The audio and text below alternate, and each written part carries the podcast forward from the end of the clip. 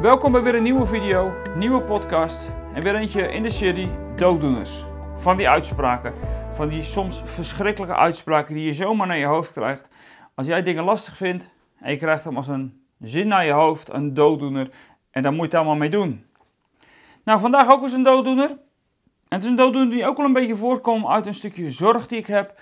Soms ook wel een beetje misschien, mag ik het zo zeggen, irritatie, hoe dat ermee omgegaan wordt. Het thema deze keer is namelijk God zal je wel genezen. Of nog sterker, God zal je genezen. Of om nog helemaal uit balans te trekken, en zo hoor ik hem ook soms nog wel eens. Als je genoeg geloof hebt, gaat God je genezen. Dus dat is het thema voor deze keer, dat is de dooddoener voor deze keer. En ik wil er bewust bij stilstaan, omdat ik merk dat het mensen beschadigt die op deze manier in een soort hoek gedreven worden, waar het, waardoor het heel ingewikkeld wordt als bijvoorbeeld een genezing niet komt. En daarom vind ik het ongelooflijk belangrijk om deze video te maken. En ook daarin is het weer niet per se kritiek op een bepaalde hoek of kleur of weet ik wat. Maar ik wil wel gewoon even, een evenwichtige boodschap ook rond dit thema hebben. En ik merk dat deze dingen te veel zomaar worden uitgesproken. En gaat God genezen? Ja, God zal je genezen. Alleen is het de vraag hoe en wanneer en wat. Ik geloof, en dat weten jullie denk ik wel als je mij kent, je weet hoe ik geloof, in geloof heb voor wonderen. Alleen geloof geneest God altijd nu en altijd nu en op ons moment, dan zeg ik toch nee. Nou, ik ga daar iets met je over delen. Ik denk dat dat belangrijk is deze keer. Mijn naam is Theo de Koning van eindeloosgelukkig.nl en bij Eindeloos Gelukkig hebben we het grote verlangen om gelovigen te discipelen tot sterke, moedige christenen in deze wereld, maar ook een evenwichtige boodschap te brengen, waarin wonderen en tekenen op alle manieren bij ons hele normale leven gaan horen. En aan de andere kant, eh, en dat heeft natuurlijk met deze serie ook wat te maken, geloof ik ook in de balans die hierin nodig is en dat we God ook daarin God kunnen laten op die moment dat het nodig is. Goed, ik heb even genoeg als intro gezegd. Geneest God altijd? Dat is misschien een vraag die gelijk bij je opkomt. Op het moment dat je zegt, ja, God gaat je wel genezen hoor. Geneest God altijd? Ja, God geneest altijd. Dat wil ik gezegd hebben. God geneest altijd. Absoluut. Jij gelooft er zeker niet dat als jij straks de hemel binnenstapt, dat jij nog ergens last van hebt. God zal altijd genezen. Jouw genezing is verdiend. Dat is 100% zeker. Alleen is wel de vraag, hoe gaan we daar dan mee om? En daar wil ik met je over nadenken. Want God gaat je genezen. Het wordt soms zo makkelijk gezegd. En wat dan als er vervolgens niks gebeurt? Er wordt er soms aan toegevoegd, ja, je moet genoeg geloof hebben. En dan merk ik dat ik in de weerstand ga. Dus als ik genoeg geloof heb, dan gaat God genezen. Nee. Dan zou mijn geloof iets zijn waardoor God iets wel of niet zou kunnen doen. En dat geloof ik niet. Dat is ook niet bijbels, denk ik zelfs. Dus God geneest wel, maar of het altijd nu gebeurt is maar de vraag. Dus het is goed om voor elkaar te bidden. Alleen ik merk altijd al dat ik ook altijd wel uitleg hoe ik erin sta. Gewoon heel simpel, omdat ik niet wil dat als er niks gebeurt, dat iemand op zijn kop naar huis gaat en denkt van ja, God heeft mij teleurgesteld. Nee, het gaat erom dat je dit in een juist perspectief ziet. Jezus zegt namelijk niet dat iedereen geneest. Ik zal het je nog sterker vertellen, zelfs Jezus geneest niet iedereen. En hoe ik dat weet? Nou, als je Handelingen 3 leest, dan zie je dat er nog een verlamde man bij de schone poort van de tempel zit. Dat is een beetje raar, want weet je hoe vaak dat Jezus door die poort naar binnen is gegaan? Die poort van de stad, daar is Jezus ongetwijfeld vaak naar binnen gegaan. En er staat dat die man daar zijn hele leven al zat. En man, die man was gewoon een volwassen man. Het was niet een kind van drie. Dat was een volwassen man, die heeft heel zijn leven al gezeten. Dus Jezus is heel vaak langs hem heen gelopen. En Jezus heeft hem altijd laten zitten. En als Petrus en Johannes in handelingen 3 uiteindelijk langskomen, dan zeggen zij tegen hem, zilver en goud hebben we niet, maar sta op, wat we hebben, dat geven we je, sta op in de naam van Jezus en ga lopen. Dan wel. En in Bethesda, met al die zalen met zieken, haalt Jezus er één uit die die geneest. En er staat niet dat het hele ziekenhuis daarna is afgebroken omdat er niemand meer ziek was. Jezus genas ook niet iedereen. Dan kun je nu nog zeggen van ja oké Theo, maar Jezus heeft ook voor de ziekte nog niet alles betaald. Nee, maar voor de vergeving ook niet. Maar hij spreekt aan het kruis wel de moordenaar aan het kruis vrij. Terwijl dat Jezus nog in leven is op dat moment. En daarmee nog niet door de dood is heen gegaan. Weet je, ik ontdek steeds vaker, je moet appels niet met peren vergelijken. Ook niet op dit thema. Ik leg het je uit, wat ik bedoel te zeggen met die appels en met die peren. Er is natuurlijk een tekst in de Bijbel waarin duidelijk is dat Jezus zegt, of waarin gezegd wordt dat, dat zegt Paulus volgens mij, dat Christus de wereld met zichzelf heeft verzoend. Het offer van Jezus is voldoende voor de redding van de hele wereld. Iedereen kan behouden worden door het werk van Jezus. En ik denk dat je daar niks tegen in kan brengen. Hoe komt het als je verloren gaat? Dan heb je niet geloofd in dat werk wat Jezus heeft gedaan. Dus jouw redding is zeker op het moment dat je gelooft. Maar jouw genezing is ook zeker als je gelooft. Het gaat alleen om over wat voor geloof hebben we het dan eigenlijk. Het offer van Jezus, wat heeft dat tot stand gebracht?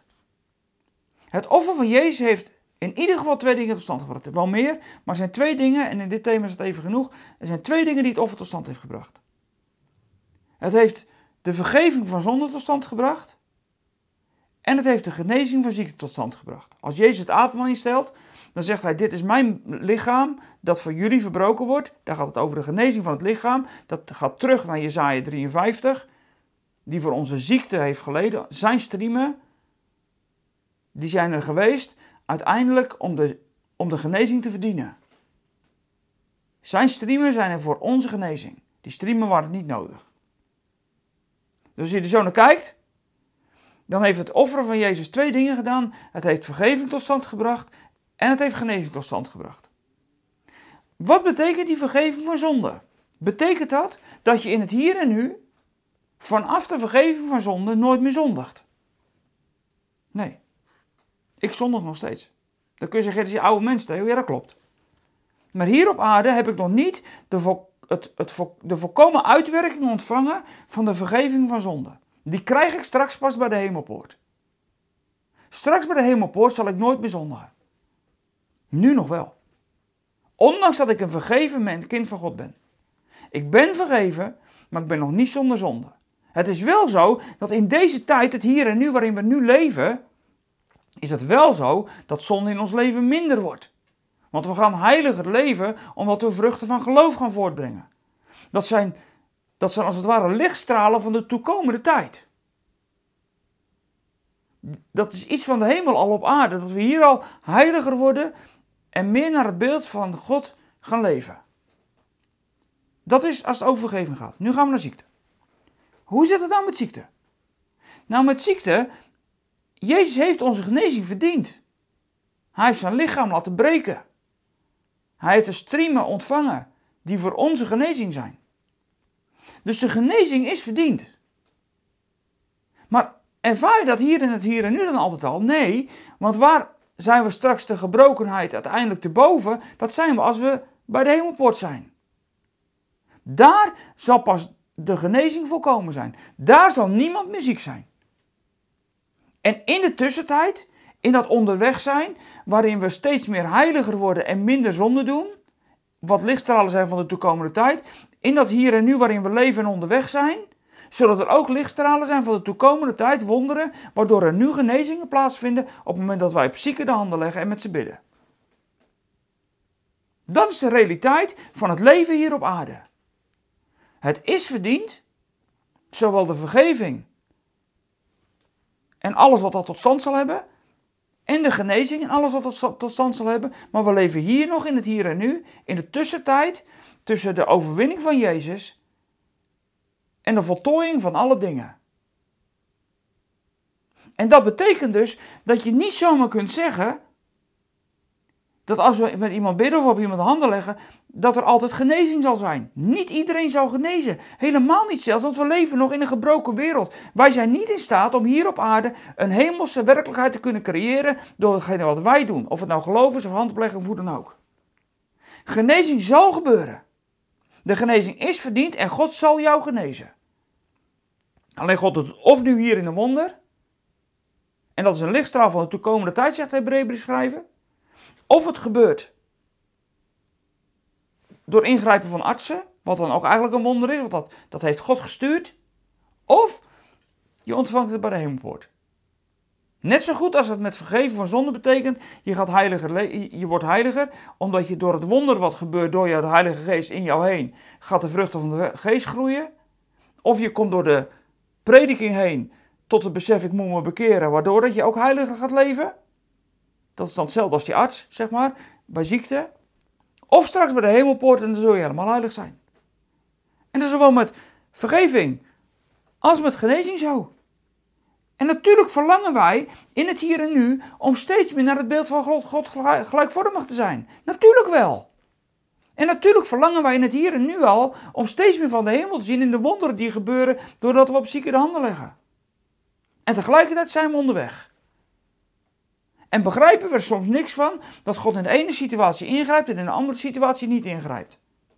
Maar God grijpt wel in. God doet wel wat. Alleen dat doet hij vanuit zijn eeuwige perspectief. Wij denken in onze aardse tijdbalk. Wij denken dat alles hier en nu moet gebeuren. Maar God kijkt vanuit zijn eeuwig zijn. Eeuwig is niet gisteren, heden en morgen. En dat eeuwig, zonder einde. Eeuwig is altijd nu. En God kijkt vanuit zijn eeuwig nu naar de situatie van een zieke. En in zijn eeuwige nu geneest hij.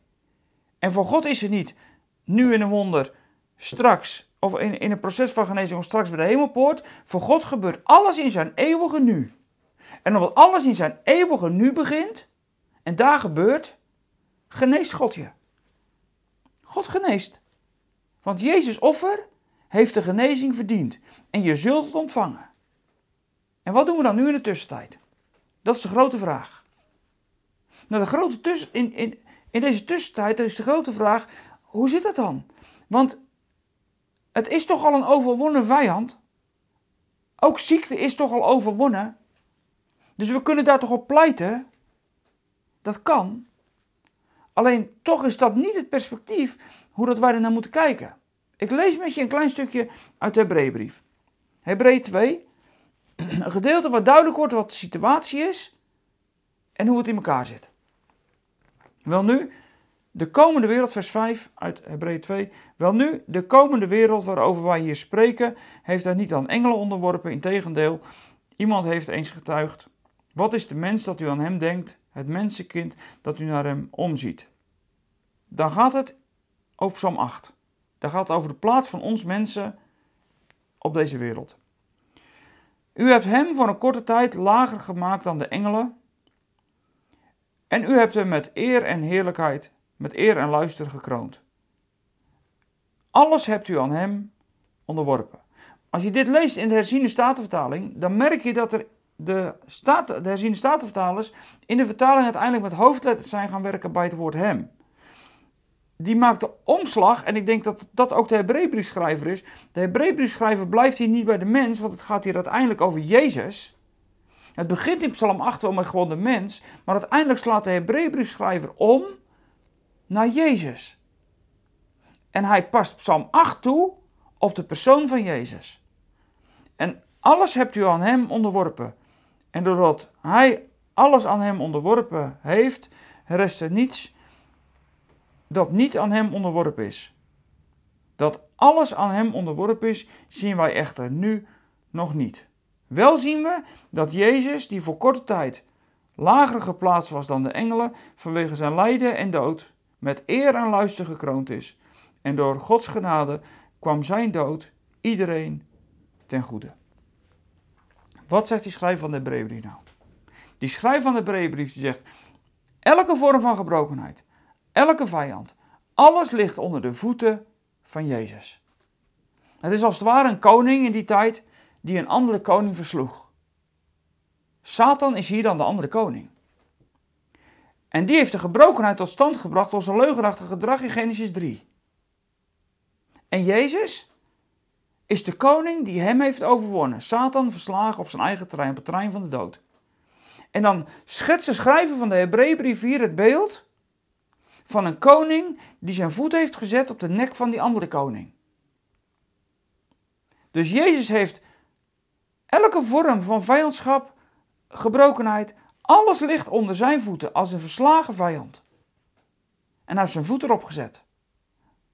Als een beeld van, dit is een overwonnen vijand. Hij spartelt daar nog wel, maar hij is overwonnen. En wat er daarna mee zou gebeuren, ik weet het niet. Ik denk dat menig koning doorgedrukt zal hebben met zijn voet en zijn nek van zijn tegenstander gebroken zal hebben.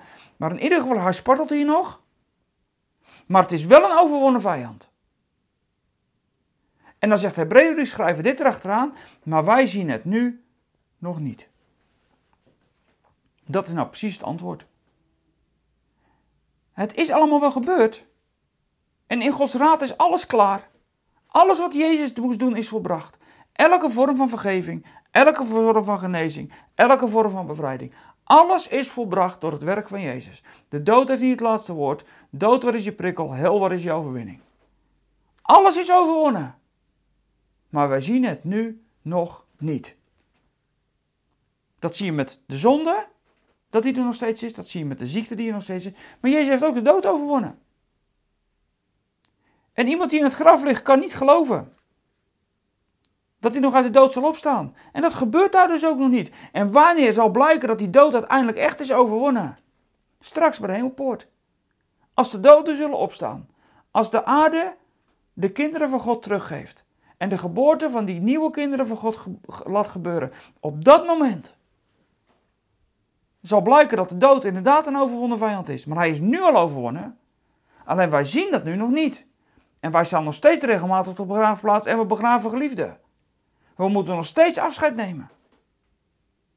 En mag, dat, mag het mogelijk zijn, en ik geloof dat het kan, dat ook er een wonder van een opstanding kan plaatsvinden, als een lichtstraal van de toekomende tijd, dat geloof ik zeker wel. Alleen dat zal nog steeds niet de meerderheid zijn. En daarom is het absoluut zo. Als we op zieken de handen leggen, zullen er meer mensen genezen als dat we het niet doen. Ik geloof absoluut dat als we bidden met zieken, dat God lichtstralen zal geven van de toekomende tijd steeds meer en iedere keer weer. Maar ik geloof nog steeds aan de andere kant dat de gebrokenheid nog altijd groter is, tot het moment dat Jezus terugkomt, dan dat er wonderen zullen gebeuren. Dus ga nog niet te snel zeggen, je moet maar genoeg geloof hebben en dan komt het wel goed. Ja, het komt wel goed straks bij de deur van de eeuwigheid. Maar onderweg nog niet. En maak hier niet een dooddoener van. Als je genoeg geloof hebt, dan nee. Dat is niet wat de werkelijkheid is. Dat is niet wat de Bijbel ons leert. Soms mogen we nu wel iets van de hemel zien. Maar we zijn nog steeds in een gebroken wereld onderweg. Waarin soms tekenen van straks zijn. Maar straks bij de hemelpoort ontvangen we het volledig. In je vergeving word je helemaal heilig.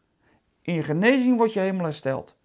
En in de bevrijding over dood en vijand zul je zien dat je straks mag triomferen. Maar wij zien dat nu nog niet allemaal. We zijn nog onderweg. En in die ontspanning, en dat is echt ontspanning, in die ontspanning kunnen we gewoon met zieken bidden.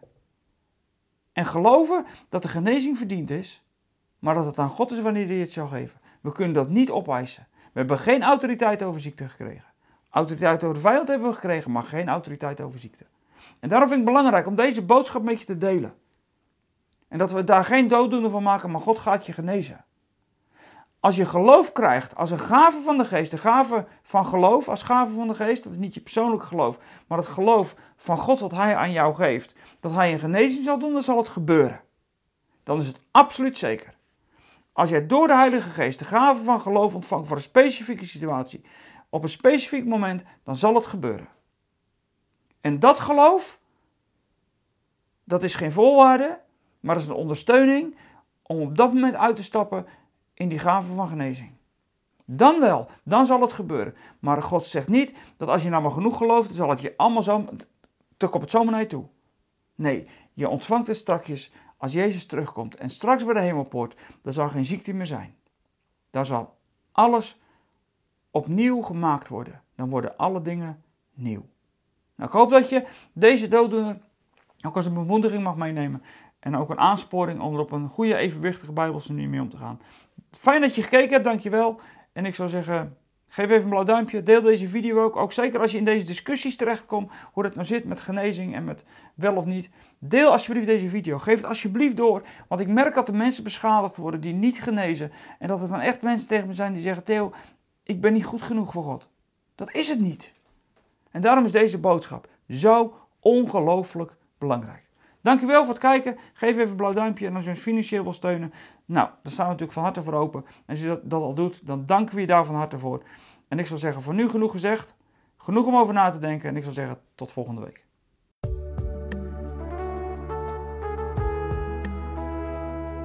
We zijn er weer aan het einde van deze podcast. Spreken deze podcast je aan en wil je ons met de gift ondersteunen? Kijk dan voor meer informatie op www.eindeloosgelukkig.nl slash podcast.